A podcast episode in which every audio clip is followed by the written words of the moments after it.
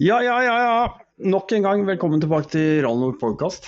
Eh, for anledningen, nytt studio. Eh, det er eh, litt sånn fuglekassesyndrom i bakgrunnen her, med, med er det furuvegger eller gran, eller jeg vet ikke, han er vel furu antagelig. Jeg eh, personlig syns det høres eh, det, det, er fint, men eh, ja. Akkurat nå, nytt studio, MCEK, klubbhuset på Ammerud. For de som måtte lure på det. I studio i dag, Erik Myrberget, velkommen til Vodkast. Takk for det. endelig, endelig. Ja. Jeg har vel hatt eh, noen skjær i sjøen eh, tidligere i forhold til det å få gjennomført det. Jo, men eh, akkurat sånn, eh, sånn pleier det ofte å bli, da. Men det eh, beste er jo ja, at det ikke tvinges fram, men at det kommer seg naturlig. Absolutt. Du, jeg vet ikke hvor eh, Åssen var det jeg egentlig først kom i kontakt med deg? Nå må jeg bare prøve å tenke meg om. For det var, eh, det var ikke så lenge siden. Det var i fjor høst eller noe sånt en eller annen gang. MC-messa, MC-messa. kan det være det? Jeg er litt usikker. Var det på stand der? Jeg hadde et stand der, ja. Uh... Dette er fint. Hva var det? eh, det var vel et tema jeg hadde egentlig tenkt å la ligge litt, men, Ja. eh, men eh, temaet var vel at jeg hadde en intensjon om å være med på, et, på en tur fra Nordkapp til Kapp til Gode Håp. Det var det. Cape to Cape. Cape to Cape. Ja. Der møttes vi. Der møttes vi. var på Hilseren, og så drev jeg og monterte noen sånn twinpegs på sykkelen dere hadde lånt der. Det var jo Kurt, Kurt sin sykkel som sto der. Ja. Mm. Stemmer.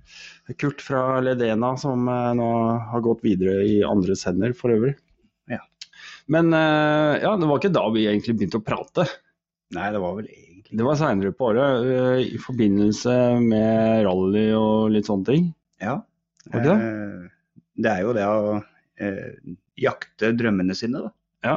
Og jeg har vel hatt en, hatt en drøm om det med eh, å kjøre grus. Mm. Og så har vel egentlig fokuset vært asfalt. La oss komme litt mer inn på det etter hvert. Men uh, bakgrunnen din, den er uh, Du har motor i åra, er ettersom jeg har skjønt det. Jeg er født med en eller annen form for fetisj for bensinlukt, er det lov å si det sånn? Ja, det er det. Eh, vært motorinteressert siden jeg var født, tror jeg. Eh, lærte far min å kjøre hjullaster når, når jeg var fem år. um, eh, første tohjulingen den kom vel da jeg var tolv. Det var en gammel Tempo Corvette. Men du, bare sånn for å avbryte deg litt. Ja. En hjullaster, det fant du ikke nede i Groruddalen her? Nei. Jeg er født i Drammen, oppvokst på Koppang oh, ja. i Østerdalen. Ja. Så jeg er en sånn, hva er det heter, bygdetulling. Nei. Ikke tulling. Men eh, jeg er glad i bygda. Og eh, far jobba da noe som heter Fellesforflytninga. Eh, det med flytting av tømmer. Ja. Og i forbindelse med det så var det et tømmerbelte som måtte måkes for snø. Og han som skulle brøyte, han kom ikke. Men jeg hadde vært med han og brøyta før. Ok. Og da hadde jeg lært hvordan man starta den maskina. Og hvordan spakene funka. Det er guttedrømmen, da. Det var moro. moro. Ikke, jeg hadde, skulle fått sånne lekesaker under juletreet, vet du. Det hadde vært fint. Helt fantastisk. Så ja, oppvokst på Koppang. Uh, der var det vel egentlig fotball og speideren som gjaldt. Uh, lite motorsport sånn sett, men uh, vi var jo en gjeng som kjørte moped og hadde det gøy. Mm. Både på den ene og andre måten. Ja, ja, ja. Så ja. Det, det har på en måte vært en interesse hele veien. Og så Motor sånn sett har ikke vært en greie i familien. Nei. Og man ser jo det at eh, epler ramler ikke så langt ifra treet alltid. altså I form av at eh, folk som driver med motorsport drar med seg familie. Mm, mm, mm. Eh, Så jeg hadde jo ikke den bakgrunnen. Nei. Eh, og, og eh, for meg så var det vanskeligere på den måten å komme inn, tror jeg. Men eh, som sagt, glad i motor og spenning. Mm. Og jeg husker jeg tok lappen på bil. Det var eh, eh, 3. eller 4. mars eh, når jeg ble 18. Tre-fire dager etter bursdagen min. Og jeg husker at det sto i Østlendingen var det sånn her horoskop. og på det horoskopet så denne dagen kan bety en stor forandring i ditt liv. da fikk jeg førerkort. det er rart, det der horoskopene de var, de var, litt viktige før. Det var litt sånn der, Jeg veit ikke, hvor var det vi leste de? De sto i aviser og de sto i ukeblader og sånn. Det var alltid sånne horoskopgreier. Ja. Altså, det rare er jo at man husker ikke alle de som bomma. Nei, nei, nei. nei. Man husker de der, der som treffer. Du fant alltid en, et eller annet som passa. Ja, hvis du lette godt, så. Men akkurat den passa jo veldig, da. Ja.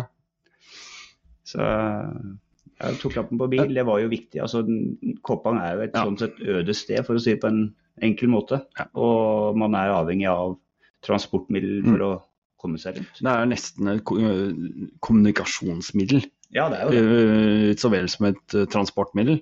Absolutt. I hvert fall når du kommer på litt gressgrendte plasser hvor det er lange avstander og Ja, det, det, blir jo sånn. Ja, det er ikke som å stå og vente på 31-bussen. Nei, nei, nei, nei, nei. Ikke for det, den har vel ikke møtt opp alltid når de siste dagene den heller.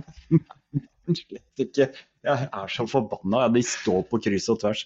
Jeg, jeg, hadde en lang tirade på min private Facebook i forbindelse med de bussene. For det. Jeg sykler jo mye til fra jobb. Ja. Og da sykler jeg gjennom by og sentrum og sånt. Faen, de jævla bussene står overalt. Ja. Håpløst. Men, men. Sånn er det. Ja. Og jeg vet ikke, skal jeg nevne det? Uh, ja, ja, vi må jo det. Det er uh, Motorsykkelinteressen den dukker jo opp uh, etter hvert. Ja, du kan ikke bare kjøre moped? Nei, nei, nei. Jeg må jo uh, det, er, det, er, jo en sånn liten morsom sak. da. Tiuren kro den er kjent for mange langs rv. 3. Okay. Jeg skal møte en kompis der, ja. og så Han dukka ikke opp. Og i påvente av han så var jeg bortom bensinstasjonen, og så uh, står det en Harley der. Jævlig kul Harley.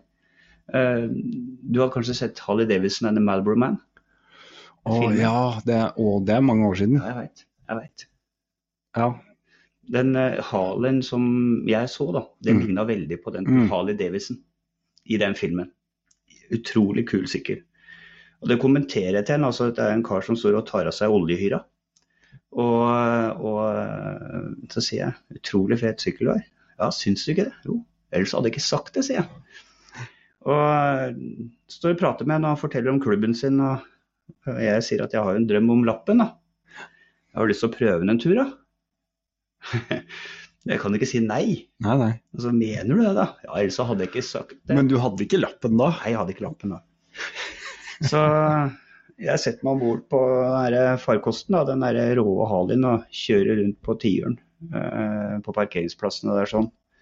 Kommer tilbake igjen, og da er jo øret er vel i veien for gliset. Ja. Og så spør jeg om å få ta en runde til, og det får jeg lov til. Eh, jeg må jo ta med det at eh, panten det var en, en bilnøkkelen til eh, bilen jeg egentlig kjørte, og det var en gammel Nasta 929 stasjonsvogn godt brukt sådan. Og uansett et godt bytte for meg. Men tar en runde til, og når jeg kommer igjen, altså sier jeg til at nå skal jeg hjem igjen. Ringer kjøreskolelæreren min på Tynset og bestiller time på motorsykkel. Og det som er litt morsomt, da, det er jo det at Eh, han her, her han eh, var en fra Hales Angels. Ja. Så jeg tror kanskje han brøt noen regler for at han lånte bort sykkelen til meg. Og det er litt moro å kunne si at HA da er eh, årsaken til at jeg nå sitter med førerkort. Ja, det, det er mange veier som fører til rom, er det ikke det de sier? Jeg har mye å takke dem for sånn. det er deilig. Da, da ble det lappen på motorsykkel. Ja. Og den gangen var det ikke noe sånn A2 og sånne justeringer. ikke sant? Det det var jo rett på de store syklene, det. Mm. Og det ble jo sykler. Mm. Men eh, jeg skjønte jo det at det, eh, jeg var ikke voksen nok etter hvert. Okay. Jeg var til fare for både meg sjøl og andre, egentlig. Ja. Det kan jeg jo si nå i ettertid, i hvert fall. Mm. Jeg innså det ikke da, sånn til å begynne med. Så utfordra både meg sjøl, vei og andre trafikanter, egentlig, Mm. for uh, galskap, sånn sett. Og skjønte etter hvert det at eh, jeg kunne ikke kjøre på vei. Nei. Da solgte jeg sykkel. Hadde du for mange sånne nesten-historier, eller? Ja, det er vel ligger Ja, det, det kan man jo si. Mm. Det går alltid fra noen ekstreme hastigheter og uh, vært borti noen biler og det er, Jeg har litt på samvittigheten, faktisk. Ja. Det, men det har gått bra. Ja, ja. Heldigvis. Jo. Og det er flaks. Ikke noe annet. Mm. Alt annet enn dyktighet. Ja. Og savnet etter sykkel ble jo stort, så da måtte jeg jo få tak i noe nytt. Og da ble det en eh, KTM 250 firtakt som jeg kjørte cross med. Og det, det funka. Mm. Og fikk ut veldig mye der. Og det var egentlig godt å være på bane, Mm. for det er jo en trygghet i det. Det er det. Og så er det noen mål, da. Da må jeg innom jobben så vidt det er. Det, eh, jeg hadde jo lyst til å begynne å kjøre motorsykkelambulansen her i Oslo. Ja. Eh, jeg jobber i ambulansetjenesten da. Eh, og, og da måtte jeg også kunne vise at jeg kunne kjøre sykkel på vei. Riktig. Fornuftig. Ja, På en, på en, på en ordentlig måte. ja. Og da, eh, da var jo veien kort også til det med førerutvikling. Ja. Eh, og da var det noe som het senior MC. Førerutvikling som holdt, drev på Rudskogen. Mm. ja, stemmer. Rustløsinga og sånne ting. Ja, og så hadde de mange torsdager hvor at det var kjøring. Ja.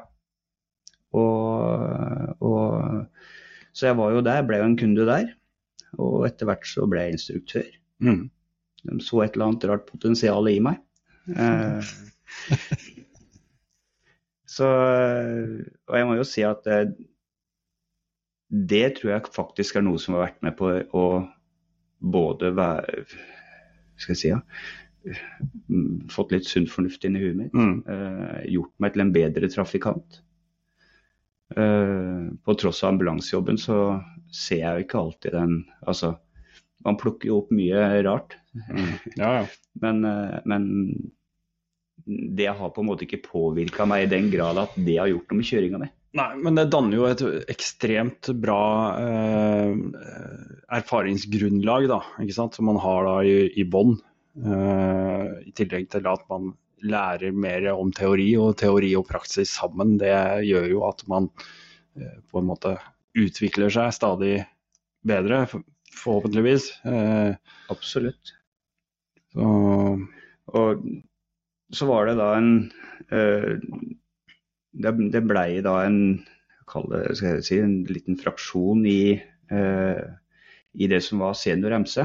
Eh, og eh, etter hvert så valgte jeg med flere å gå ut av senior MC. mhm. Um, og jeg fikk tilbud om å bli med noe som heter førerutvikling.no. Og uh, med en som heter Eddie Mathisen, som er uh, uh, for det. Mm. Uh, hovedsetet vårt det er uh, oppe på Vålerbanen. Okay. Der driver vi best. Litt annet konsept på en måte enn det senior da drev, eller nå heter det jo MC-akademiet. Mm. Eh, vi driver begge med førerutvikling. Eh, sånn, det er, det er, men det er små individuelle forskjeller. Og jeg er veldig glad i Vålerbanen fordi at eh, den gir oss som instruktører veldig store muligheter til å kunne farte rundt på banen stå og se på deltakerne. Mm. Og det gjør også at vi har et veldig godt grunnlag for å gi tilbakemeldinger. Rudskogen som, sånn sett eh, ja, gir ikke de mulighetene. Nei. Uh, Så det gjør at jeg har en forkjærlighet for Vålerbanen. Og jeg har jo da også eh, fått mulighet til å være en av hovedinstruktørene da i førerutvikling. Mm. Eh, og vært med på å utarbeide det konseptet som er. Og føler at det vi gjør en god jobb. Og det er utrolig gøy å se eh, hvordan folk forandrer seg. For det, det, er mange som kommer på en bane og tenker sånn at dette her er track day. Ikke sant? Altså, Mm. det her skal vi kjøre Ja. fort. Ja, ja, om å gjøre å komme fortest gjennom, ja. Ja. Mm. Eh, og når de skjønner de oppgavene vi gir dem, Mm. og vi ser at de jobber med det, så ser vi endringen også i kjørestil. Altså, det, man må ned i fart for å lære seg å ha kapasitet til å jobbe med oppgaver.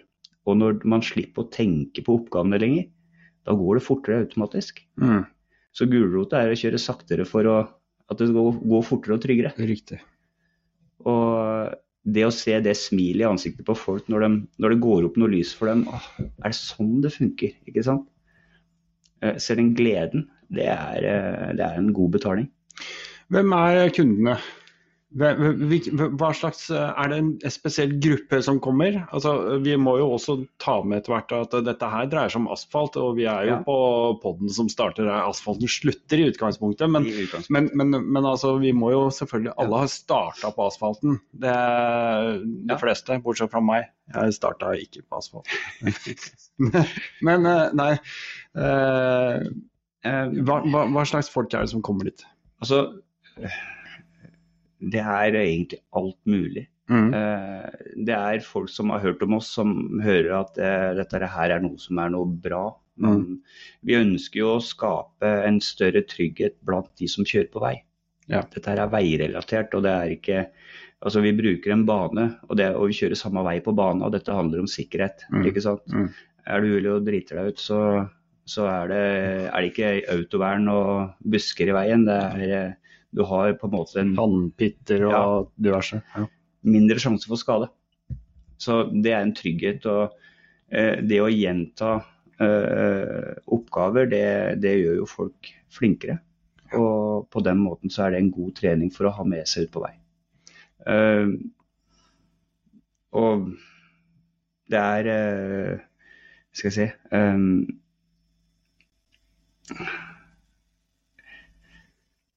det er litt sånn Hva slags utfordringer gir man noen som kommer på en bane?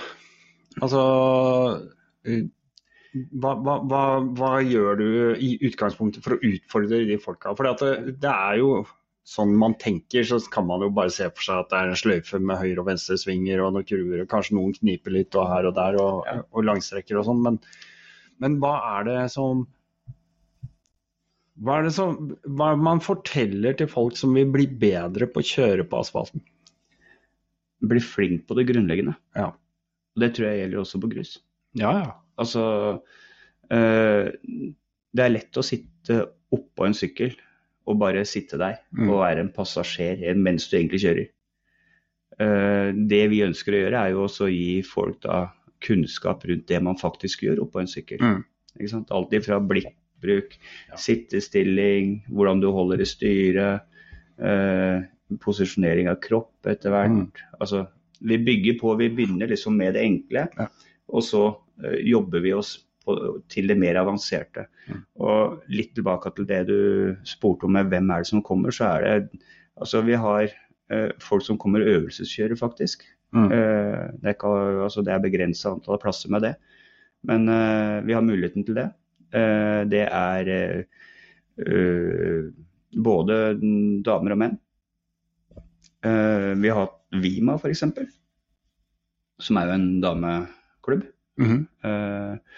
vi har hatt uh, Ducati-klubber, vi har hatt uh, altså, så, Harley Ja, ja. på det ekstreme den ene veien. Ja. uh, moped eller 125 eh, i sånn minste volumet. Og til folk som kommer med en Electraglide eller eh, tilsvarende. da. Mm. Ikke sant? Og så er det R-sykler, nakensykler, uh, adventure-sykler, GS. Altså, det, det er alt. Mm. Og jeg, jeg, jeg ser ikke noen begrensning i hvem som kan komme, Nei, nei. sånn sett. Nei. Men folk drar derfra selvfølgelig med en fornya, sannsynligvis fornya tillit, eh, eller til Ja. seg sjøl, da. Og, og liksom åpna øya og ser ting fra annen, eh, et annet perspektiv. Ja. Og vi prøver å tilpasse oss. Mm. Vi har forskjellige, vi bruker fargekode på grupper, og da prøver å tilpasse oss altså at de er en gruppe ut ifra deres ståsted, Ja. eh, og bygge på det. Ja. Mm. Og det, det er moro å se utviklinga på folk. Men for din egen del, å kjøre så mye på bane, det, du har jo lært mye av det du òg, antagelig? Ja da. Og vært innom roadracing også, Ja. vi alle sammen. Ja. Uh, uh, så har vel hatt noen løp hvor jeg har stilt i NM, uh, mest MC, nei, eh, Norgescup, mener jeg. Eh, eh, og, og vært med på noe eh, sånne langløp, da, bl.a. fire timers og sånn. Ja. Så eh, har vel da i og med at vi skal dra oss retning grus, så har jeg jo kommet dit hen at det er da eh, nå i høst valgte å selge banesykkelen min, eh, road racing. Eh, utrolig vemodig. Jeg hadde egentlig ikke lyst, men det handler om prioriteringer og, og det å jakte da drømmer, som jeg nevnte sånn innledningsvis her. Ja. Eh, og i sommer så var jeg med på et firetimersløp, og da vant vi jo faktisk klassa vår. Så jeg har jo da gått av med, i hvert fall med en seier på siste løpet jeg stilte, da. Det kan jeg jo si. Det er kult. Så ja, den uh, sykkelen har fått ny eier, og eh, jeg blir ikke borte fra roadracing-miljøet. Det er et eh, utrolig bra miljø. Mm. Uh, og det er mye bra folk, og det er moro å kunne bidra. Mm. Så det er på en måte litt sånn Man vet jo aldri. Plutselig så dukker det opp en Nei, altså jeg, jeg avskriver ingen uh, tohjulinger uansett hvor form og eh, fasong holdt jeg på å si på dem i det hele tatt. For alle har sine uh, Alle har sine ting, altså, og, og gjør jo noe forskjellig. ikke sant? Jeg kan se på en adventure-sykkel og tenke i den retningen. Jeg kan se på en R-sykkel, selv om jeg aldri har jeg har kjørt en R-sykkel én gang, tror jeg. På en testdag. Jeg fikk låne Husker ikke Det var, det var et eller annet sånn firma som drev med Kawasaki oppe i Groruddalen her. Ja, ja. Oppe ved Stovner. Jeg husker ikke hva den butikken het. jeg.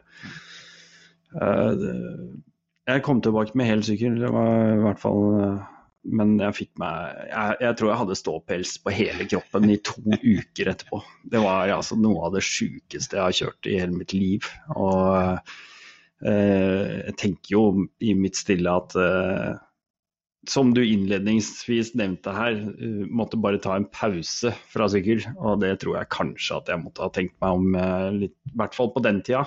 Ja. Nå i godt voksen alder så tror jeg er eh, litt mer sindig på mange måter og hadde takla det på en helt annen måte. Men eh, eh, ja. Jeg har, jeg har sans for alt. Og om det er scootere eller sidevognsykler eller hva faen det er, det spiller egentlig ingen rolle for meg. Eh, poenget er bare den opplevelsen du får av å gjøre det man gjør. Ja. Og så har man de derre basics-likhetene, som er altså friheten, eh, det å være ute, det å kjenne på elementene, alle de tingene. Det, det er vi jo der, uansett. Ja, når du sier å kjenne på elementene, så tenker jeg sånn Jeg har utrolig mange mil i bil. Ja. Eh, og jeg har ganske mange mil på motorsykkel òg. Mm. Eh, men det er noe med det der når du kjører forbi den der hogstflata, og så kjenner du den der eh, furulukta, ikke sant. Altså det er et eller annet det, som bare sånn siver inn i hjelmen og bare skaper en sånn der lykkestemning. Ja, det trigger. Det er eufori. Det er det. Um, den får jeg ikke i bil. Nei, du gjør ikke det. Du gjør ikke det, og du sitter i en boks. Ja. Hvis du ser på, altså, ser på bilister i dag, jeg har hatt mye sånn diskusjon på jobben da, med kollegaer og sånn, Ja. angående liksom, helvetes stråsyklister og motorsyklister og bilister og alle sammen er gærne, for alle sitter i sin jævlig boks Ja. og tenker ut ifra sin egen boble. Men som jeg sier, hva, er problemet deres? Hva er problemet? For det første, jeg er, jeg jeg er fotgjenger når jeg er ute og går. Jeg Mm. sykler med pedaler til og fra jobb, så jeg er syklist. Så er jeg motorsyklist, og så har jeg bil, så jeg kjører jo selvfølgelig bil. Jeg har jo et bein i absolutt alle leire. Jeg har jo også da, hvis du er litt grann eh, voksen, så har du da muligheten til å se ting fra forskjellige vinkler og forstå at det, uansett hva du kjører, så har du ikke noe spesiell utover eh, kjøre- og trafikkregler. Så har du ikke noe overordna rett. Altså Selvfølgelig som fotgjenger så har du fortauet og sånne ting, men, Ja, altså, men, men, men, alle, det er en integrasjon, da. ja, men det du sier nå er jo egentlig jeg var jo helt overbevist om at syklister hadde en eller annen eh, fantastisk rett til å gjøre akkurat det de ville. Ja, ja. Om det er rødt lys eller eh, fotgjenger Det over sånn gangfelt, hva som helst. Det ser sånn ut. Ja. Og jeg, jeg, jeg forstår det. Jeg forstår hvorfor folk sier det. For jeg står og venter på grønt lys med tråsykkelen min idet jeg blir feid forbi av en eller annen mongo med sånne svære øreklokker som hører på musikk om morgenen, skal på jobb og ikke sant, gidder ikke engang se seg for. Ja. Da blir jeg forbanna.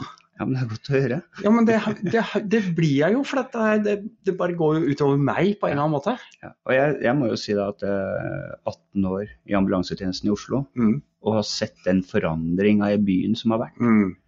Eh, nå slutta jeg i Oslo og begynte i Innlandet i eh, august 21, da, men uh, fram til da i hvert fall så er det, det er en skummel endring. Altså, Mm. og, og det er et eller annet uten at en skal tråkke ned på syklistene, for det er mange flinke, dyktige syklister, og de blir på en måte ikke synlige. Nei. Det er den som skiller seg ut. Mm.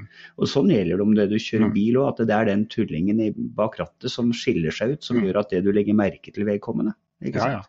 ja. ja, ja. Og syklistene er kanskje en litt sånn sårbar særstilling. Og Ja. når jeg kjører utrykning i Oslo Altså, jeg må jo si at hadde jeg skulle hatt en liten sånn der greie, så hadde jeg sagt at det ble ulovlig å gå med plugger i øra. Ja Lyd i øra. Ja, ja. Fordi folk går i sin egen verden. Ja. De, de er helt på en annen planet. Mm. De sykler uti på rødt lys, og det er kanskje ikke intensjonen engang.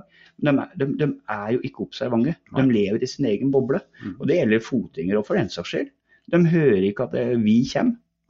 Og, så vi må jo kjøre passivt, og det skal vi gjøre uansett. Altså Veitrafikklovens paragraf 3 med vaktpågivende og hensynsfull ligger jo alltid til grunn for det man gjør. Absolutt. Men, eh, men, eh, men eh, det, jeg må innrømme at jeg har vært på noen sånne spennende situasjoner hvor jeg har tenkt at herregud, det er godt at jeg så såpass langt frem at jeg la merke til det. Ja, og det er jo sånn jeg sier når jeg ser uh, andre trafikanter generelt Ja. som gjør ting som bare er helt grovt, så tenker jeg ja, det er jo ikke din skyld at dette gikk bra. Nei, ikke sant? Det er min skyld. Ja, det er, det Det er er du som din skyld. Du Og- løste hans potensielle problem. Riktig. Og dette her er jo ting vi opplever i trafikken som motorsyklister. Nå skal vi snakke om det. Så, så må jeg jo si det, at du har jo to til tre tilbud hvert jævlig år. Ja. I hvert fall når du bor i Oslo-gryta.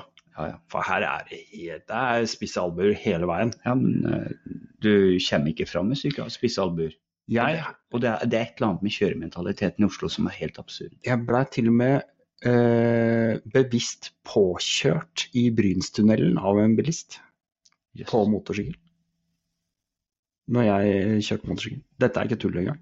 Dette er i ja, 20, 20 Når kan det være? 2010 eller noe der omkring. Yes. Jeg jobba på Bryn.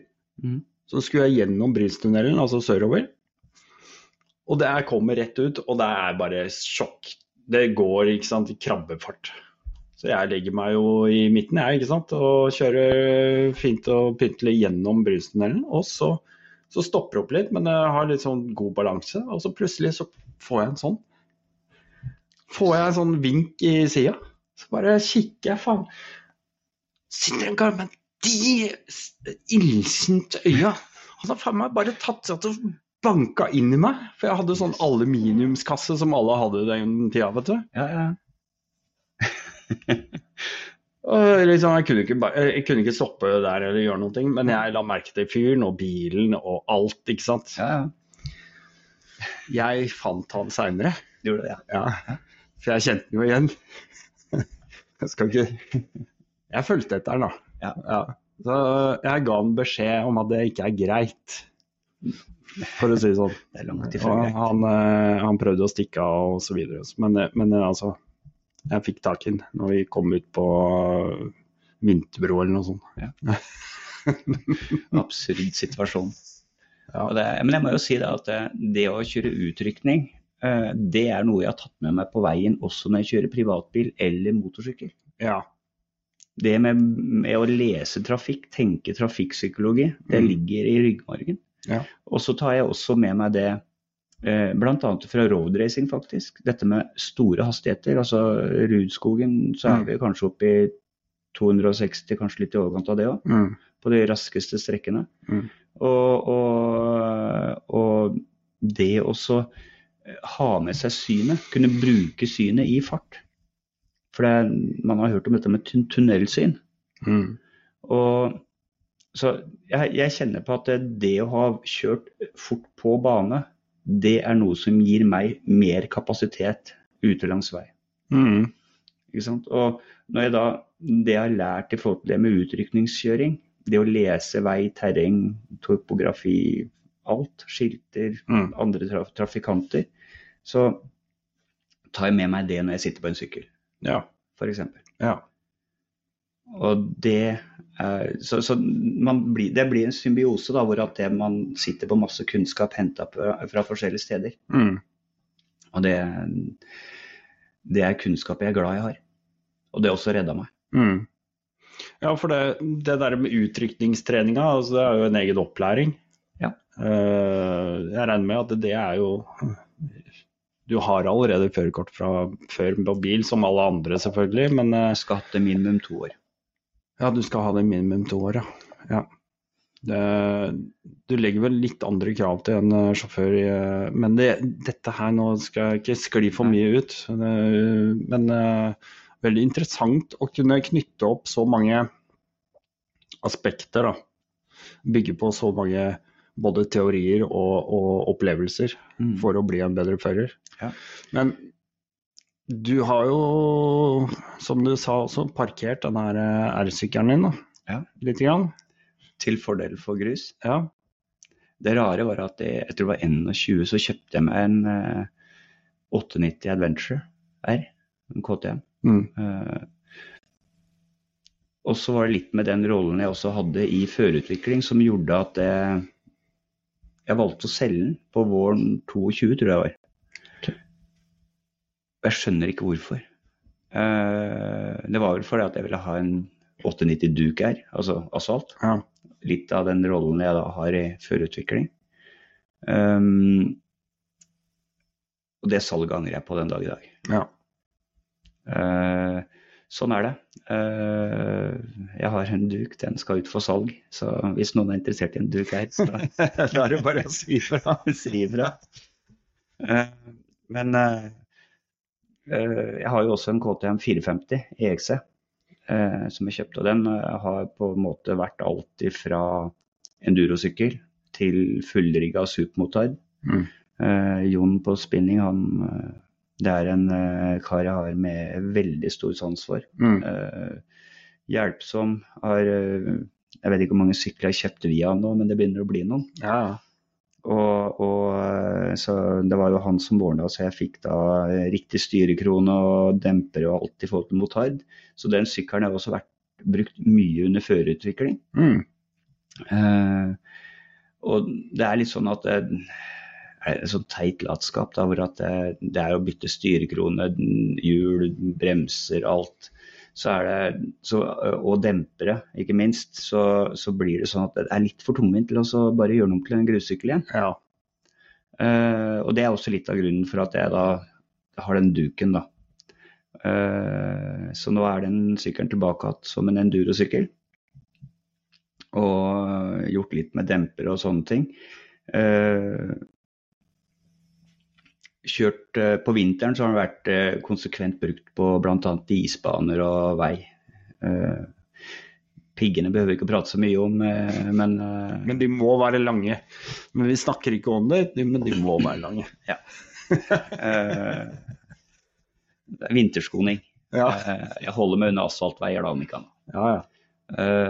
Og så var det en sånn rar ting nå i sommer. Eh, jeg har liksom hatt den lysta, da. Altså, det begynte jo litt med det Cape to Cape-prosjektet. Mm. Uh, akkurat nå så må jeg vel si at det er lagt på is, rett og slett pga. uroligheter i verden. Ja. Uh, traseen vi sånn i utgangspunktet hadde en idé, no, idé om, Mm. den er ikke fremkommelig. Og det er jo da sånn Tyrkia, Syria, Ja. Den veien ned, ikke sant. Og når du da har eh, eh, altså Israel som lager kaos nedi der i tillegg, så vi, vi kommer ikke gjennom.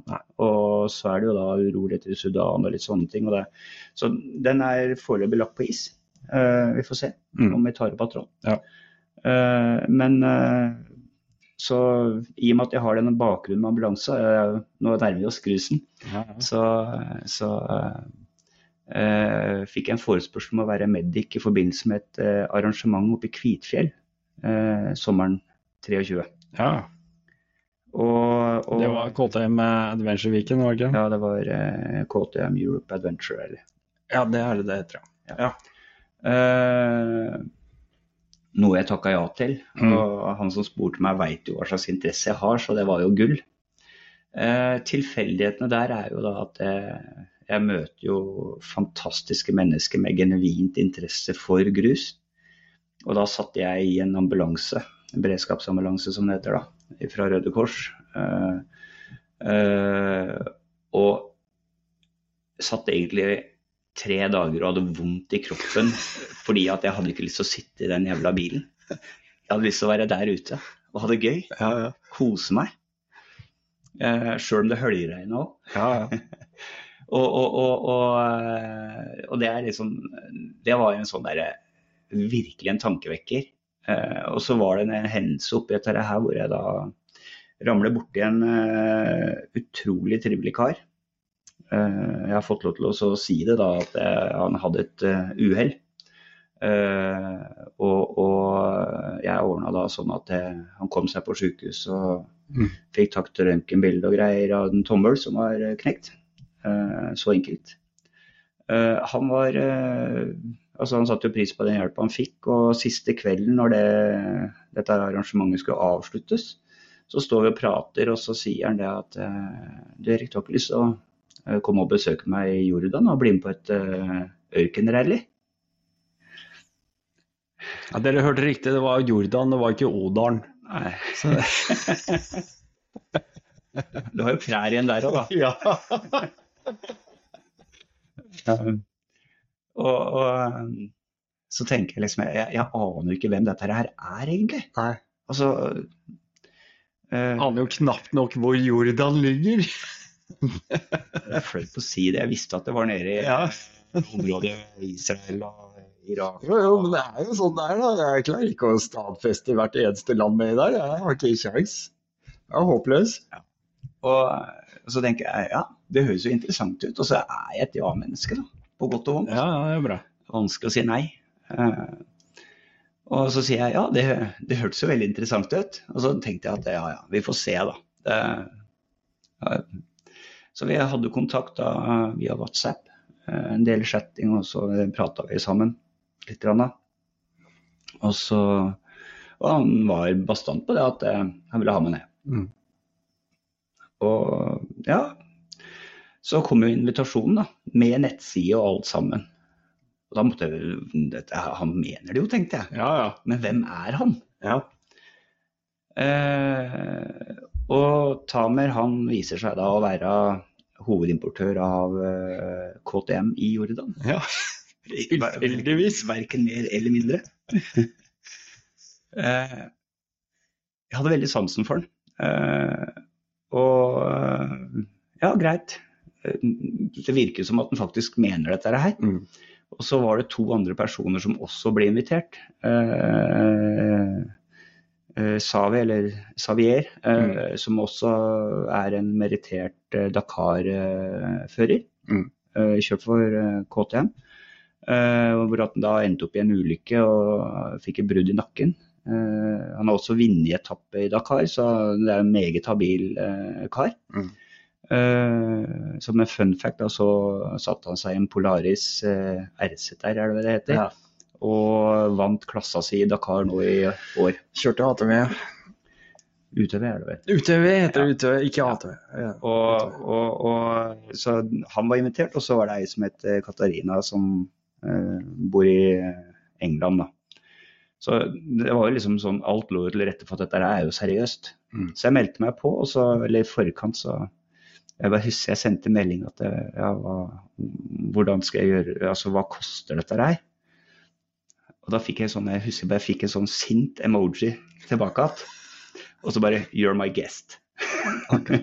OK, vi er der. Det er litt annerledes. Det er litt annerledes. Det er, altså, det, Det er, det er, det er, en liten koppangsing, Ja. en liten Storadal som uh, råker borti en kar, og så blir invitert til Jordan. Ja. Og så er det egentlig Altså, jeg betalte flyreisa tur-retur. og Det var vel stort sett det jeg betalte. Mm. Det altså, få den muligheten. Jeg, jeg, jeg er jo ekstremt glad for at jeg er et ja-menneske, da. Mm. Mm. Og blir ble jo enda bedre kjent med Tamer og eh, Savi og Katarina. Og, og, og, eh, og, og de folka der nede var også helt fantastiske. Så jeg meldte meg på, bestilte flybillett og alt som var. Og så var det jo en sånn litt sånn snedig setting, da, for jeg husker fredagen før jeg skulle reise. Jeg skulle reise mandag. Mm. Eh, så, så ringer jeg forsikringsselskapet og så sier jeg du, hvordan funker det med forsikring der nede? Nei, det var ikke noe problem. Altså går det litt eh, Du, vent litt, Rana. Du, eh, du må holde deg eh, fem kilometer unna Irak og Syria. Ja. Det, det var et krav. Ja, men det skal jeg klare, sa jeg. Eh, lørdagen var det veldig smalt da når det Hamas gikk inn i Israel. Ja. Da valgte jeg å ikke ringe dem på mandag. Mm. ja. ja. Jeg satte meg på på du, flyet. du tok med deg den siste beskjeden du fikk. De visste jeg skulle reise. Så jeg, jeg torde ikke å ringe og høre hvordan det forandra noe. Eh, det var såpass alvorlig der nede at det allerede da forandra flyreisa. Så vi fløy jo da Vi bomma på Israel. Normalt så hadde vi flydd da eh, fra Frankrike og rett over Israel og inn til Amman, men eh, nå fløy vi da nedom Egypt. Okay. Så vi runda og gikk da sør for Israel. Mm. Så landa uh, Ja, nei, det var, det var liksom Ja, det var, det, det var den helga jeg egentlig prata med deg første gangen. Ja, det kan godt være. Ja, det var da vi snakka sammen og hun sa jeg må ha en uh, rapport. Ja. Nå, nå, får, nå får du den. og, det, var jo, det var jo egentlig ganske vilt. Altså, det er det er jo for meg kulturmessig så er det jo et altså, det er et eventyr. Mm. Og eh, det som er så fantastisk, altså Jordan, det er jo kongedømme. Eh, har en konge som sånn sett eh, eh, er en jovial, relativt godt likt person. Ja. Jordan er en av de derre et av de rolige stedene da nede i Midtøsten. Ja. Der hvor det er, altså folk kan faktisk leve side om side. Ja. Og hvor at du har uh, moskeer og kirker side om side, altså på hver sin side av veien. Mm. Og det, det, la, det lot jeg meg fascinere av. Liksom, altså, når du ser hvordan, hva som skjer i Israel og Vestbredden, Gaza, så er det jo litt sånn absurd. Og så her sånn så kan man jeg håper å si møtes Mm. eh, på fortauet etter å ha vært en tur i kirka eller moskeen. Da. Det er sånn det skulle vært overalt. Ja, absolutt. Mm. Og jeg må jo si at det, eh, folka jeg møtte der nede, altså det var jo litt sånn spesielt, for det skulle være et ørkenrally, ble nedgradert til det som da ble kalt eh, et adventure-rally. Og så pga. det som skjer da i Israel, så dro man det ut til en ride-out, og kalte dem det. Ja, okay. Så da ble det mer kosetur, Ja, ja. skulle være. Skulle være, ja. Eh, og, for det var jo veldig mange som ikke kunne komme Mm. det som På grunn av det, ja. Så, men vi var vel eh, Ja, vi var vel en eh, mellom 35 og 40 førere. I ja. tillegg til eh, de som drev arrangementet. Men Var det da Tamer som stilte med sykler og sånne ting, eller hadde Eh. folk med seg egne kjøretøyer? og Hvordan foregikk det? I all hovedsak så, så, eh, så var det Folk hadde med seg egne kjøretøy, Mm. og det var KTM. Ja. Eh, eh, og og yeah, jeg og Savi Katarina vi fikk da sykler ifra Tamer som vi brukte under arrangementet. ja. Og jeg trodde at jeg skulle være en av crewet, men jeg fikk noe eh, sånn en av førerne da, på ryggen i hvert fall. Mm. Mm. Eh, og, og det var jo Altså, de folka vi møtte der nede, altså det er jo, ja, Vi møtes over felles interesse, og Mm. klart det er noe som er positivt. Men vi møtte jo andre folk, altså beduiner. eh, altså Det var liksom en høflighet. Det var Altså, jeg, jeg, jeg, jeg er positivt fascinert over Jordan som sted. Mm. Folkeslaget, mentaliteten, tanke, altså gjestmildhet. Jeg, ja, jeg har utrolig stor respekt for det landet, faktisk. Og det er jo da litt sånn Jeg, jeg vil ikke arresteres på årstall, men det som er litt spesielt med Jordan, det var det at jeg, jeg tror det var 86. Da var det noe opplegg med noe Jeg tror det var russere og litt sånn uh, Hvor at det var noen, skulle, som, noen, som ville prøve å overta landet. Mm. Uh, og det var brukt uh, tohjulinger. Så i 86 så ble det forbudt i Jordan. Aha. Så da fikk man ikke lov til å kjøre tohjulinger i Jordan. Så statskupp med motorsykler? Ja, et eller annet sånn noe terrororganisasjon, hvis du vil kalle det det. Altså, jeg, øh, øh, og, og, Tamer han er da en av de som har vært med på å få gjeninnført. Så jeg husker ikke om det var 2006 eller 2007. Så begynte han å selge øh, scootere i Jordan. Så det varte så, så lenge? Ja. Og, og, så han er da en av de som har vært pådrivere for å få eh, gjeninnført tohjulinger i landet. Og det er jo fascinerende hvordan folk altså Når man ser kjørekulturer og sånt, så er det helt absurd. Altså det, eh, er det plass, er det, da, da kjører man dit. Mm. Høyre høyere regler og sånt, og det, det, ja, det, det eksisterer ikke. Størst først. Ja. Jeg husker en av de turene vi hadde, da skulle vi kjøre gjennom Amman, og da var det fullstendig sånn trafikkaos pga. demonstrasjoner og noen hovedveier som det var så mye for bil. Altså, Oslo Rush er ingenting. Nei. Uh, og da endte det med at jeg kjørte på fortau, uh, for det var det plass. Der var det plass. så altså, det, det, er jo det er liksom sånn der, det, det er Ja, det er, det er, det er et rart land på den måten, og det, det gjaldt biler. Altså, når Politibiler i Norge, når de kommer med blålys, så flytter du deg. Ja. Eller altså et utrykningskjøretøy, da flytter du deg. Politiet der nede kjører med blålysa på. Hele tida? Ja, ja, sånn stort sett. Når det passer seg. Og kjører som en del av trafikken. Ja, okay. så, så? Altså, det er litt morsomt når det, jeg sitter på med han tar med i bil, og så ligger vi bak en bil med blålys på, og han tuter da på politibilen som flytter seg. Så kjører vi forbi. Det er jo litt absurd. Det er jo stikk i strid med det vi driver med. Det er, ja, det er jo et eller annet som er radikalt gærent i hodet mitt, da. Ja.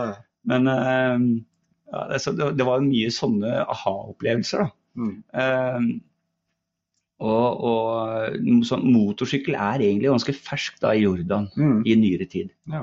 Og det gjør at miljøet er relativt lite. Uh, det, er, det er ikke så mange store aktører innen motorsykler i Jordan. Nei. Uh, og så har de en fantastisk ting, da. Det er jo altså de områdene altså Jordan er jo ikke stort. Nei. Det er under altså Ta det fra Trøndelag og ned, da. Så, Ja. uh, av Norge. Da, og enda så er det mindre enn det. Mm. Det er sånn Innlandet og sørover på en måte. Altså sånn, og, ja, det, er, det er mindre da enn Sør-Norge, egentlig, da, sånn sett. Og, men det er fri bruk av natur, da. Ja. Du har noen reservater du skal holde unna. Det er markert på kart og alt som er, så det er greit. Men ellers var det en utmark i Norge, ikke sant. Altså, du er jo, da er du høykriminell i Norge Ja, ja, hvis du kjører er i utmark. Det er du. du, det, det, er, Det er dyrt. det er jo strengere det enn uh, visse overgrep og andre Ja, det er, det er, det er, Du er mer kriminell når du går i nikkers og bærmeis Eh, kommer med feil kjøretøy enn eh, hvis du slår ned noen på gata i Oslo. ja, nesten. Ja. Eh, jeg tror ikke gi fengselsstraff for å kjøre i utmark, men det er jævlig dyrt. Det er veldig dyrt. Og, men uansett, i hvert fall, eh, det var fritt fram da, og vi hadde da noen traseer vi skulle kjøre. Og det å få oppleve ørken, det, det ga mersmak. Ja, åssen er det? Du, du kommer jo fra så Du har jo kjørt eh, noe løst underlag her i Norge, selvfølgelig. Men Ja. det er en helt annen utfordring å kjøre på sand. Og eh, Fikk du eh, en grei innføring i det på forhånd, eller var det bare prøve og feile, eller bare gi flatt og jeg, fikk, jeg, jeg tror jeg er glad for at jeg har kjørt i sand før. Ja, OK. Sjøl om det her var det jo Altså, her var det jo nesten altså Deler av ørkenen var jo som å kjøre på så hardt underlag som at du kjører på en vanlig vei, Ja, altså grusvei. Mm, mm. Til at det du kjørte da i finsand, der var det jo håpløst å kjøre sakte, så du måtte Ja. egentlig bare kjøre fort. Ja, ja. Og eh, det var jo fascinerende å se på sånn som Savi, for det, han leser sanda på en helt annen måte. Det er kunnskap jeg ikke har på noen måte sånn sett. Mm. Men han leser sanda så han skjønner at det, der ligger det en stein under. Den bommer vi på. ja Ikke sant? Akkurat. Så sånn avslutningsvis eh, sånn så hadde jeg jo i forhold til den siste dagen med kjøring, så hadde jeg en sånn stein da, som tok framhjulet mitt. Kilometer før mål, heldigvis. Men kommer tilbake til den. Ja. Uh, men, men så, så det var liksom alt ifra det harde til at det du kjørte i noen sanddyner, og at du, du hadde følelsen som du skulle drukne. Det var helt sjukt. Mm. Det var gjerne sånn toppen der hvor du hadde svevesanda, den fine Ja. støv. ikke sant? Ja. Det, det var eh, Men for en opplevelse. Da kjøre rundt der sånn på en 890 Adventure her, det var eh, magisk. ja, så du fikk eh, ganske stor sykkel, ja. ja, ja. Det var ikke noe liten, tynn sykkel. Nei, nei, nei, jeg måtte ha ordentlig sykkel. Du måtte ha ordentlig sykkel, ja. ja. Og det, det var jo Ja, det var helt Det var, det var jeg, jeg, jeg kan jo avsløre allerede nå, jeg skar ned igjen. Ja, du må det. Jeg skar ned igjen. Ja. Så, så sant det ikke skjer et eller annet radikalt i Jordan, Ja. så skal jeg ned igjen i april. Ja. Det ga sånn mersmak. ja, det er ikke lenge til det. Det er ikke det. Det, det er eh, Men eh, han driver og arrangerer dette her eh, på jevnlig basis, holdt jeg på å si? eh, Han driver og etablerer, for å si det sånn. Okay. Eh, han, eh, Så- Det er ikke utleiesykler per i dag, og det Nei. handler litt om lovverket der nede. Ja, okay. Fordi at det, eh, Jeg stussa jo litt når det eh, han plutselig vil ha pass og førerkort og litt sånne ting. ikke sant? Altså Da, da er det et eller annet sånn faenmakkeren ta hva er dette her for noe? Ja. Eh, så jeg var litt skeptisk, så jeg prata litt med Savi, og nei, han har gjort det samme som meg. Mm. Levert. Og det handler om at sykkelen sto i navnet mitt. Okay. Eh, Det er et eller annet sånn i forhold til lovverket der nede, så er det forskjell på bil og motorsykkel. Jeg kan leie bil der nede, det er, det er ikke noe problem. Nei. Men motorsykkel så er det noen spesielle regler. Så da må du eie den? Ja, Så han måte. overførte rett og slett sykkelen i ditt navn Ja. mens du var der? Ja. så jeg hadde da en sånn kjøreseddel hvor det sto navnet mitt på, på Yes. den sykkelen. Ok. Uh, så det er noen sånne utfordringer uh, som man jobber med. Mm. Uh, og han har også intensjon om å kunne drive utleie og, og opplevelsesturer, da, for Ja, ja. å bruke det. Mm. Og det er jo så fantastisk. Altså, eh, det er jo i utgangspunktet fritt fram ut i ørkenen der. Mm. Uh, og, og, så, så det er jo et land med så utrolige muligheter. Og jeg veit også at KTM har lukta litt på Jordan okay. uh, som et treningssted. Ja. Og det er for at du har alt ifra fjell til disse Tenk på fabrikksteamet. Ja, eksempel. Mm. Eh, uh, hvor at de har alt ifra fjellkjøringa, eh, altså hardstein osv., altså den delen, til eh, sanddyner, sandsletter, alt som er altså av den, den type. Så du har både det der mjuke elementet og det harde. Mm. Eh, Saudi-Arabia, eh, så er det jo kan du oppnå det samme, men de sier jo da at du må kjøre fire dager. da. For å på en måte ha Ja, for å eh, komme innom alle de forskjellige. Ja. i, i de Mm. elementene. Jeg Mens her sånn så har du alt innen fire timer. Ja, riktig. Ok. Så, så Jordan er i en særstilling i forhold til hvordan landet er. Ja. Og eh, Topografien er annerledes. Eller mer kompakt og, og ja, så det, det, er, det er utrolige muligheter, da. Og, eh, og det er det var, Jeg må jo si at det første dagen var fryktelig slitsom. Ja, det tror jeg. Både litt uvant på den 890-en og i tillegg da eh, ha et hode hvor at det, når det ting begynner å skli, så må du gi gass. Ja. ja. Altså den mentaliteten hvor at du, du egentlig har lyst til å gå av gass, men du veit at det, går det saktere, så er det enda vanskeligere kjøre. ja, ja. Så det å ha det drivet, da. Mm. Og så var det jo litt sånn sprøtt, da, for det, var- kjørte jo i noen sånne støvskyer etter andre som var helt sjøville. Du så jo ingenting. Og jeg husker ene gangen så da dukka det opp et elvefar. Ja. Ja. Og jeg visste jo at jeg kom så fort at jeg, det var jo ikke vits å prøve å bremse.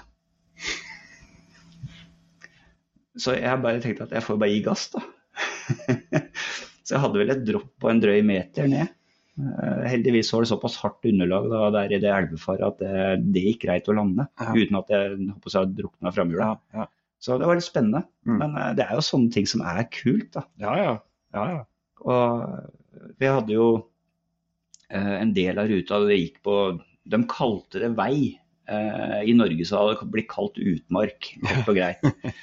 De hadde kjørt en høvel der for noen år siden, kanskje. ja ikke sant?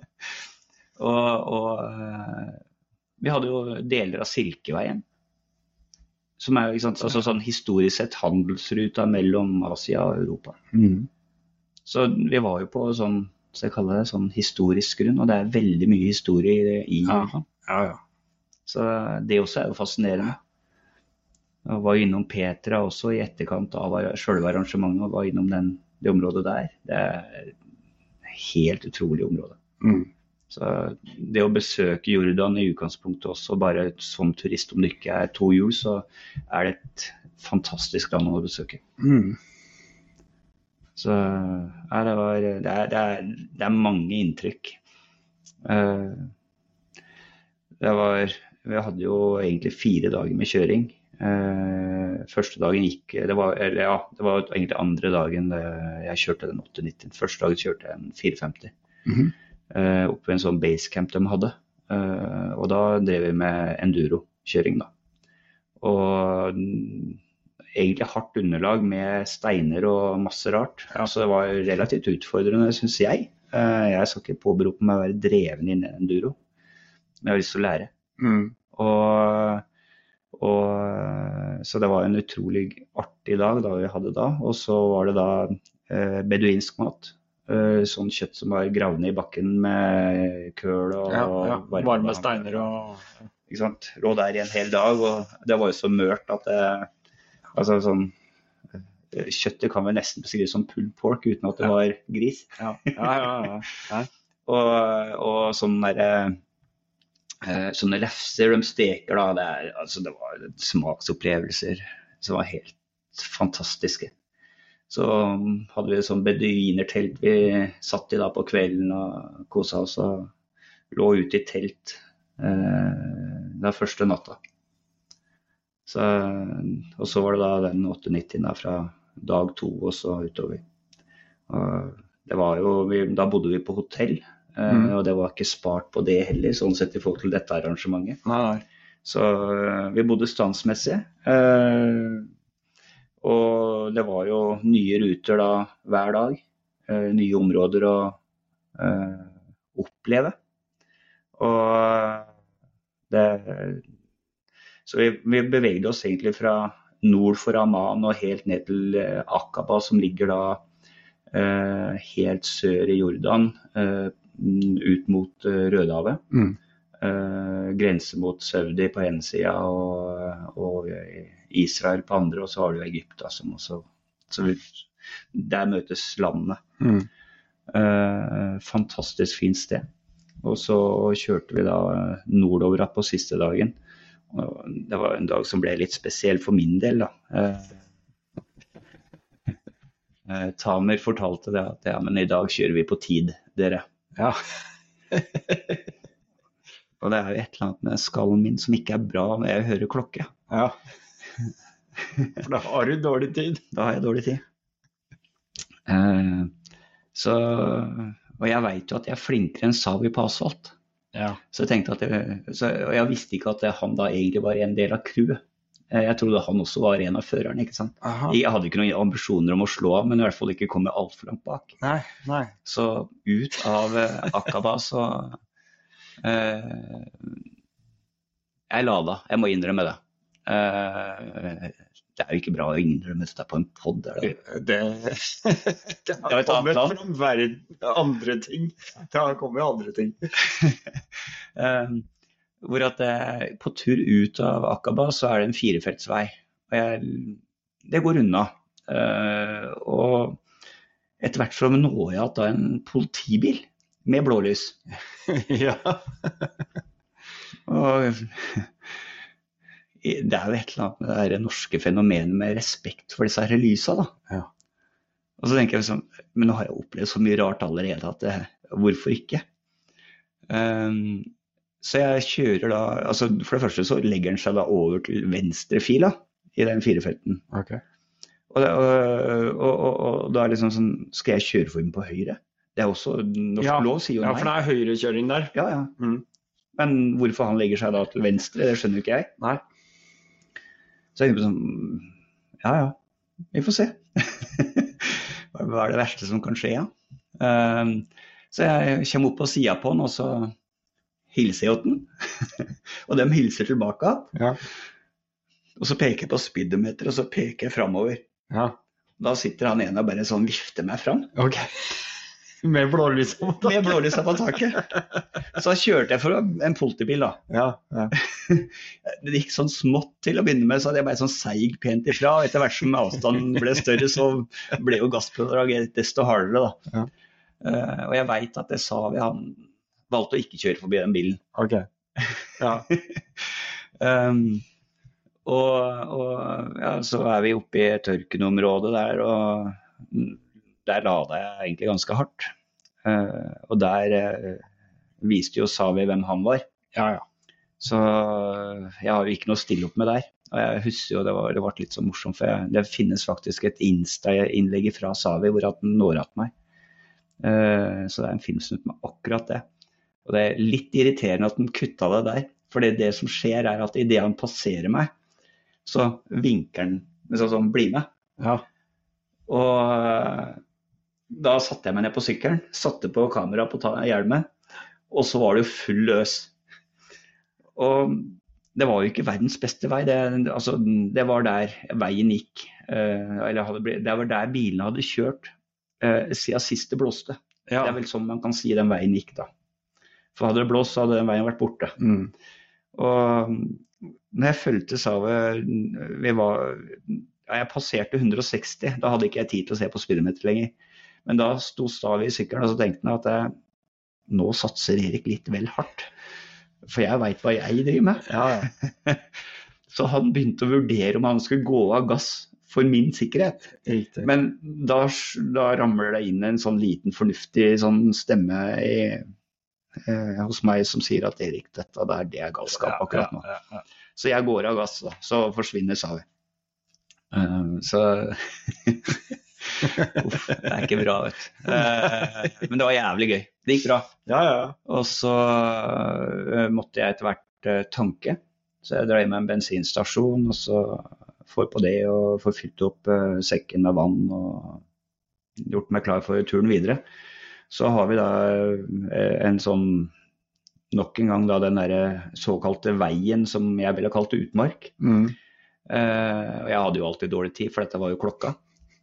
Så jeg husker at jeg kommer ut av en sving, og der hadde jeg jo feila alt med førerutvikling og øh, Jeg kjørte over ende. ja du har bare, bare lagt alt til, all kunnskap til side. Ja, akkurat der så gjorde jeg det.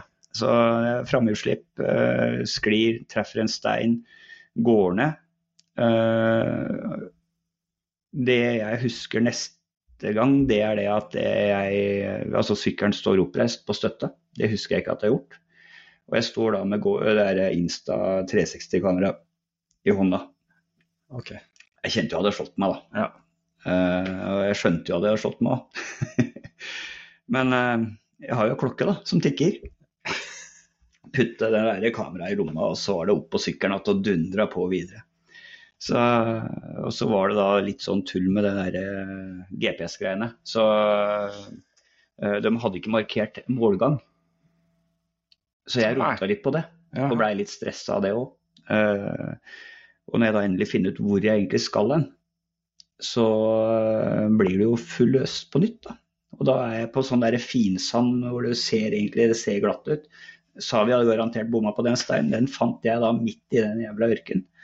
Så det smeller i styret på sykkelen. Eh, noe som ender med bølk i felgen og punktering. Heldigvis bare en kilometer til mål, Mm. så jeg kommer i mål.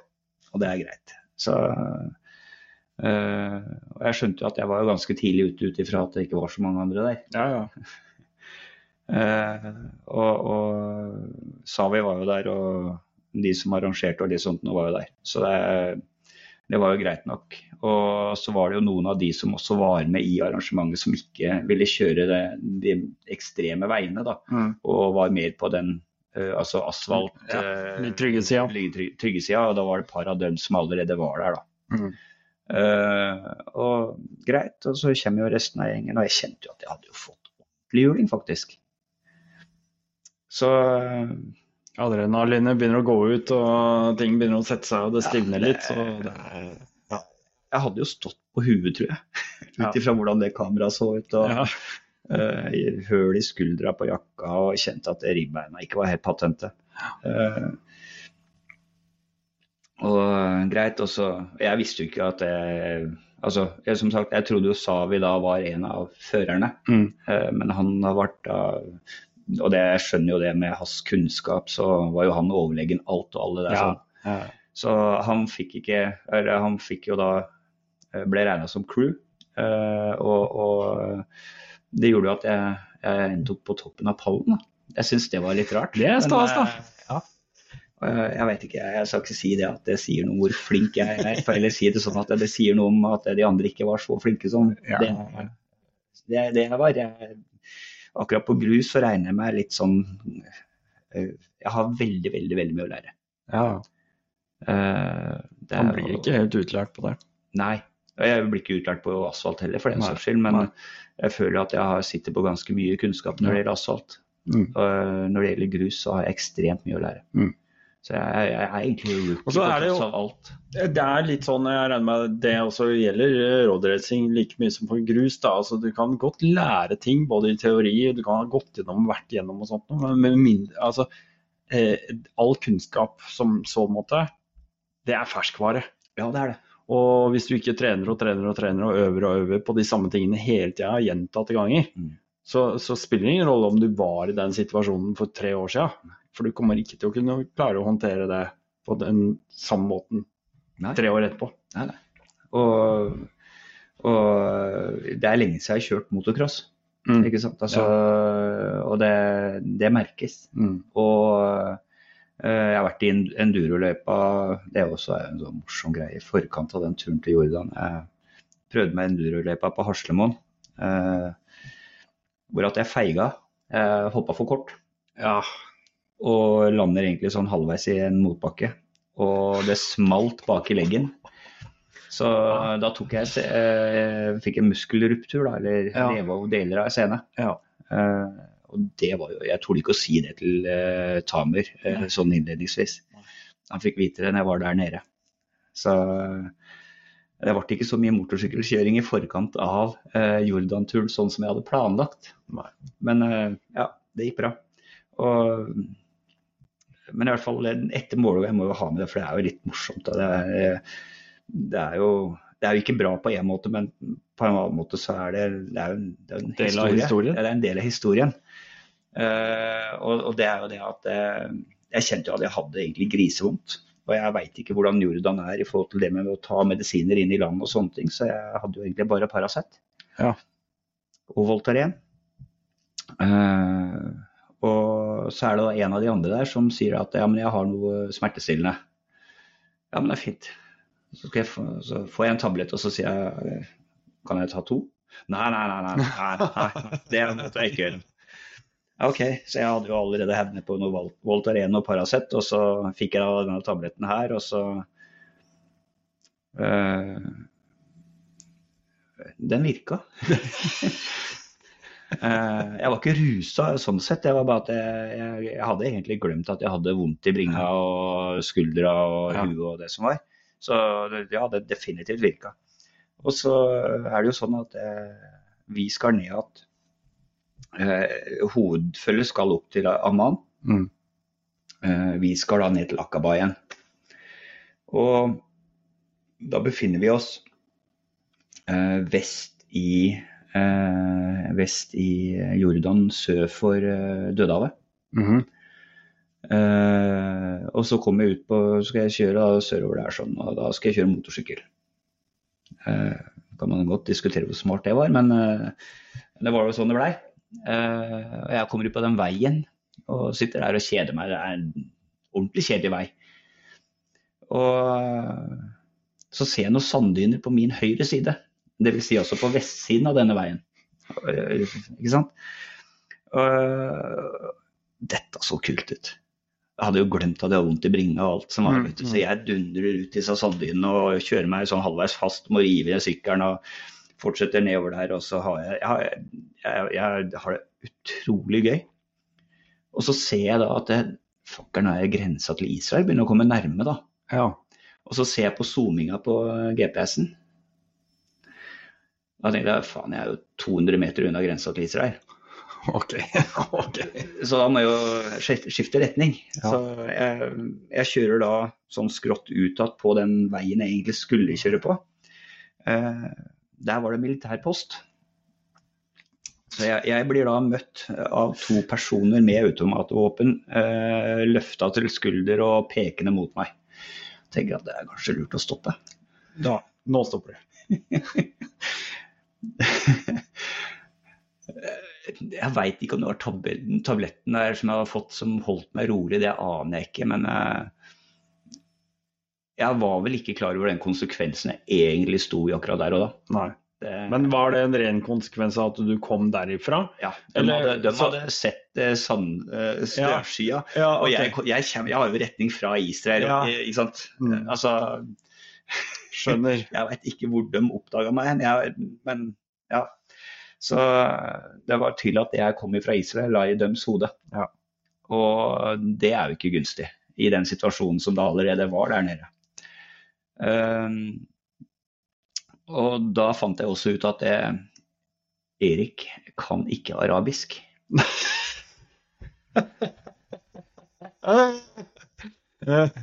Det og eh, jeg, er jo ikke viderekommen på engelsk heller, men eh, jeg klarer stort sett å gjøre meg sånn passe forstått. Mm. Eh, problemet var at de prata også jævlig dårlig engelsk.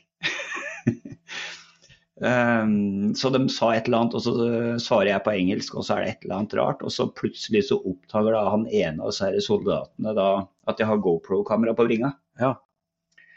Og da opplever jeg at han står da med børseløpet og tapper i, eh, i kameraet. Altså dunk, dunk, dunk. Filming! Filming! Og jeg bare står og rister på huet og hendene over, Ja. sånn over skuldrene. Og nå filming, nå filming!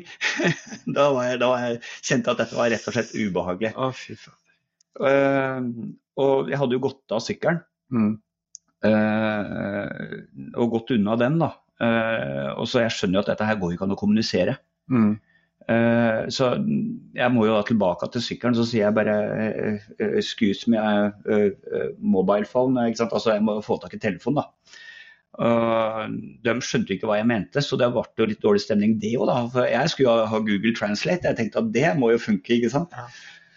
Så det var, det, var, det var en jævlig ekkel situasjon, hvis det er lov å si det sånn. De gjorde jo jobben sin, sånn sett. Og jeg satte meg i en helt unødvendig situasjon ved å svinge ut på den sida av veien. Mm. Eh, men jeg får jo da tak i mobilen, og så prøver jeg da å oversette og greier, da. Og eh, så var det en kar som også skulle involveres, en løytnant eller noe sånt, som var sjefen på det stedet, da. Mm. Eh, så er det flaks, for det, han Tamer han kommer kjørende i bil. Ah. Han skal jo til Akaba, han òg. Han ser jo da det at jeg står der med disse militærfolka. Um, og så bare parkerer han, og så kommer han til bilen og Erik, hva er det du driver med? Herregud. Uh, så hadde jeg da en uh, talefør, uh, oppegående, eh, snill mann som eh, redda meg. Ja. Rett og slett. Ja. Og det morsomme er at det, det var jo ikke lov til å filme på stedet, og det, jeg hadde jo ikke GoPro-en i gang. Nei. Eh, Men eh, det var jo da noen i den bilen som hadde dratt opp et mobilkamera, så noe av det er dokumentert. da. Okay. Og jeg, jeg må si at når jeg ser den nå i etterkant, så er det jo litt sånn at jeg, jeg tenker at jeg, tabletten virka jo kanskje, da. For jeg, eh, var relativt rolig, sånn som det framsto i hvert fall. Ja. Og så sier hun eh, Katarina, da, som jeg pratet på i stad, at eh, Erik, eh, hva er det du gjør? Og så Nei, eh, jeg er ute på et eh, adventure, altså et eventyr. Ja.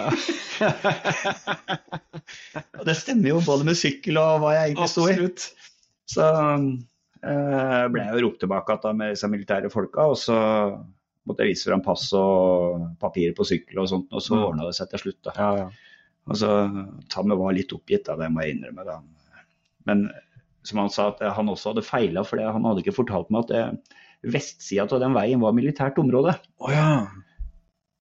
Så jeg hadde jo potensielt kunne kjørt gjennom et mineområde for alt det var jeg veit. ikke sant? Altså, jeg, ja. Så det var mangel på informasjon som satt, satte meg ut i en sånn litt, sånn, litt spennende situasjon. da. Men det er jo, nå er det en god historie, da. Ja, ja. Og jeg holdt meg til veien ned til Akava. Jeg syns det er en ren definasjon på adventure. Ja, og jeg hadde vel hatt litt flaks, da, for de eh, har jo stående ordre på å skyte. da. Sånn Ja, ikke sant? Ja. Men det var jo fornuftige militære folk, da, tydeligvis. Så jeg tenker jo det at eh, de viser jo også en form for trygghet i sin jobb når de velger å ikke trekke. Ja, ja. Så det handler om profesjonalitet, og det er jo litt sånn Og da tenker jeg også sånn relatert til min jobb som ambulanse, Mm. at det, det er jo grunnen til at jeg velger å handle som jeg gjør, og det er jo Mm. profesjonalitet i en setting. Mm. Eh, Man kan inn, eh, handle irrasjonelt fordi at man ikke kan noe, ikke sant? Eller er utrygg. Ja. Og, så jeg, jeg tar det som at det var en profesjonell handling fra dem. Mm. Så, og det, det var jo min skyld. Ja. Sånn, egentlig. Hell i uhell samtidig. Ja, Og en morsom story i dag. Ja, selvfølgelig blir jo det. Det er ting eh, Det er jo det som på en måte er Som jeg sier, altså, definisjonen på adventure, det er jo å sitte igjen med kanskje noen sånne ekstreme opplevelser som du bare liksom bare må riste på huet av. og bare, altså det, det er det er sånn stadig tilbakevendende tanke på opplevelser man har hatt. da. Ja, ja absolutt. Og det, det, er jo, det er jo de storyene. Og jeg tenker jo det at eh, eh, Litt sånn enkelt forklart tremenningen til min tremenning. Mm. Eh, eh, han var basehopper. Og han sa det at det er bedre med kort intensivt liv enn et langt kjedelighet. Mm, mm. Altså, det er ikke dermed sagt at du skal dø ung, men du skal ha med deg altså, Det er forskjell på det å eksistere og det å leve, syns jeg. Ja, ja. Og jeg ønsker å leve. ja. Ikke sant? Altså, og det er jo da det å dra på eventyr, gjøre ting som kanskje ikke alle andre gjør. Eh, si ja til ting som, eh, som gir deg muligheter. Da. Mm, Og det har jeg gjort nå. mm. Og så er det morsomt, da, for det Uh, En som også var litt sånn involvert opp imot det med Cape to Cape, uh, som heter Halstein. Ja.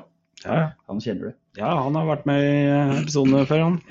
Og eh, han, eh, han er en fantastisk kar. Eh, jeg har utrolig sansen for han. Eh, han ringer meg da etter denne turen her, og så begynner han å fortelle om noe som heter Rally Nord. Altså, eller unnskyld, Team Nord. Team Nord, Ja, Rally, Rally Nord er det. det. Eh, Team Nord, hva er det for noe da? Det er et norsk rally-raid-team. Eh, en, eh, det er jo en organisasjon som Ja. eh, på den ene siden Ja. Du er jo involvert, det er Ja. du. Jeg det. Og sier jo det at det, det hadde vært gøy å ha med deg òg, Erik. Ja, ja. I dette kaoset her. Klart det.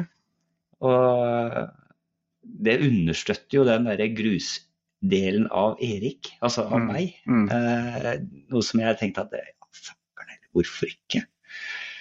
Og så har dere en jævlig dårlig innvirkningskraft på meg, da. Så eh, Enda godt det, da. ja, så da, da var det jo litt sånn der, hva, hva er dette her for noe? Og så så jeg litt sånn papirer og leste litt mer om hva Team Nord egentlig sto for. Mm. Og jeg syns det er noe som er fantastisk bra. Altså det å prøve å få flere folk til å være med på opplevelser, altså rallyraid. Altså, om ikke Dakar, så kanskje allikevel Dakar. Mm. Uh, Afrika Ecoreis, uh, du har Breslev, Polen. Uh, du har det i Hellas. Det, jeg husker ikke noe. Hellas Rally. Så det er litt sånne ting. Og så Fankeren heller, dette hadde jo vært en drøm. Jeg, jeg har jo drømt om Afrika Ecoreis. Mm. Og så bare sånn ah, Fankeren heller.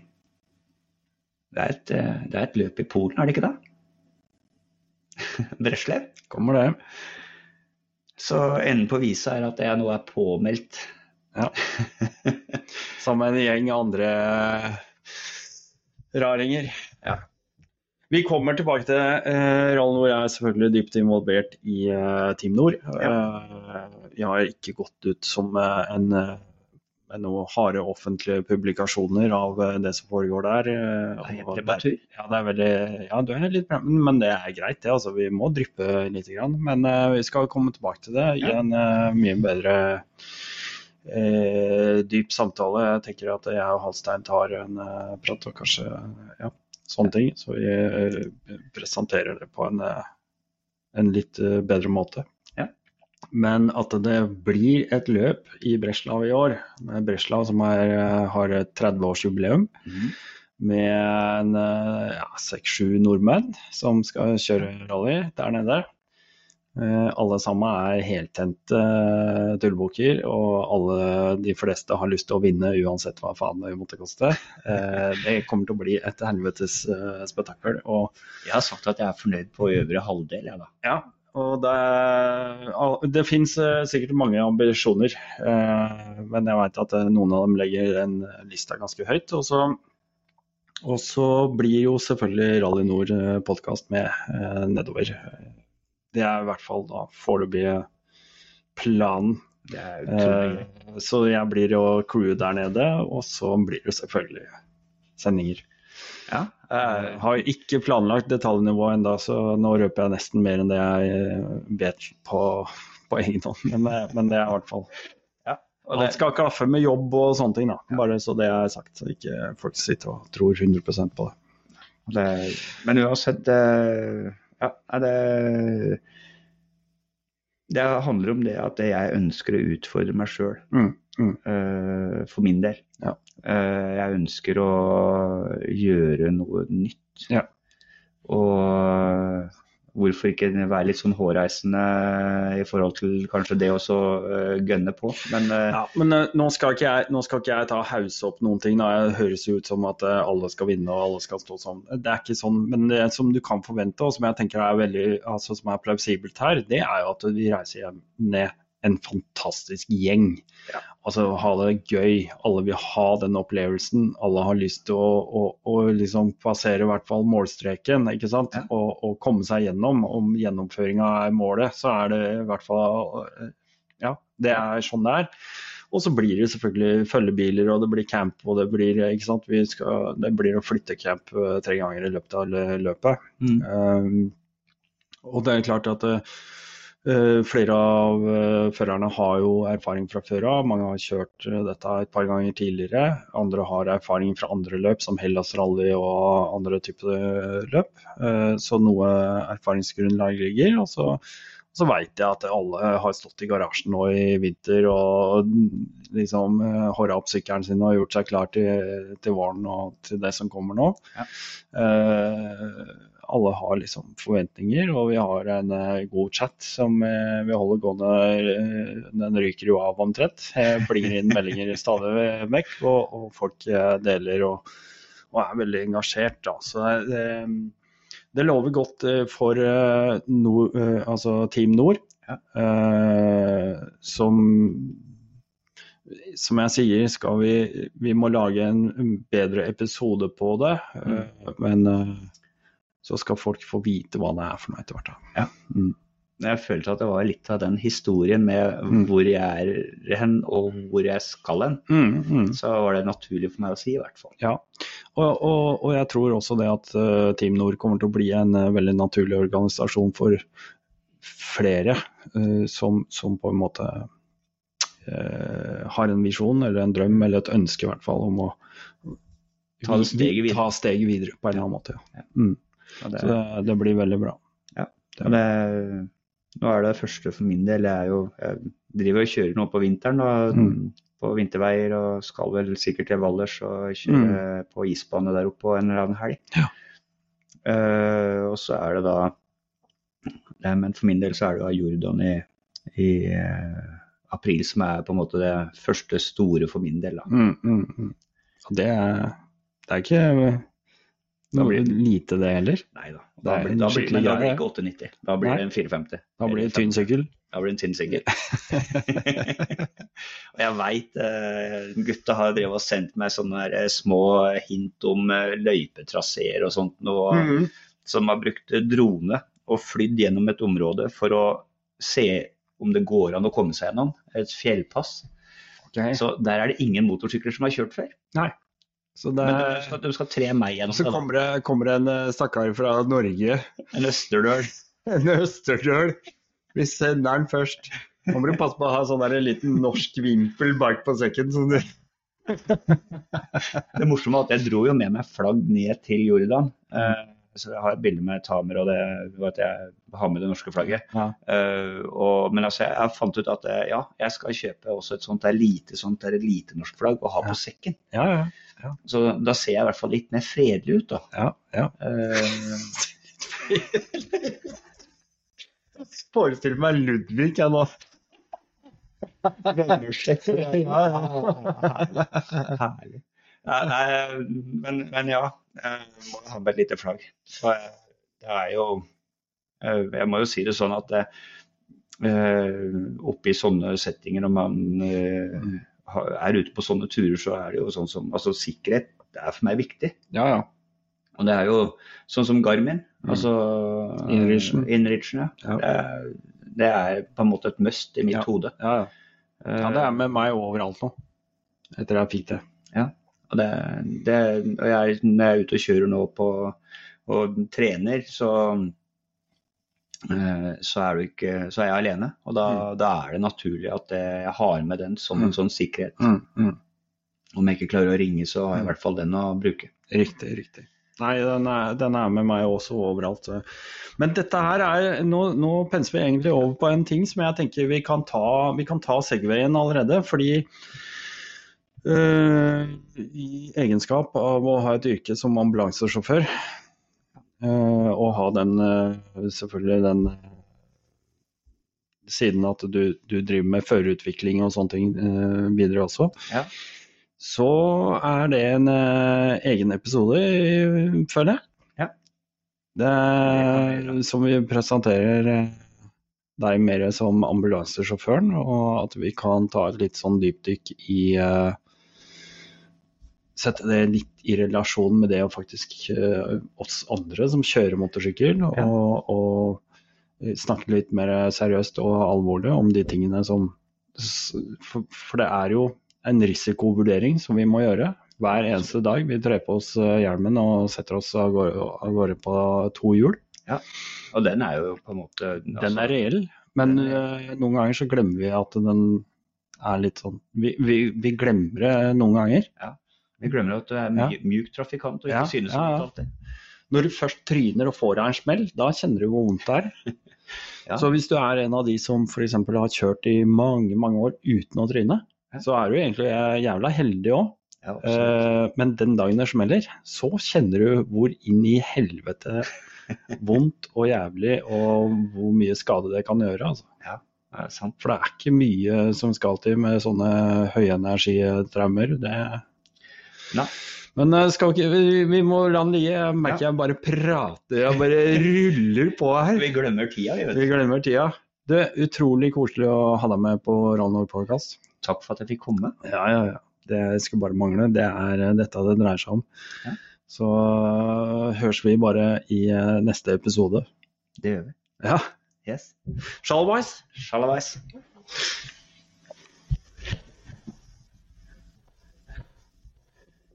Faen, prater seg helt bort, vet du.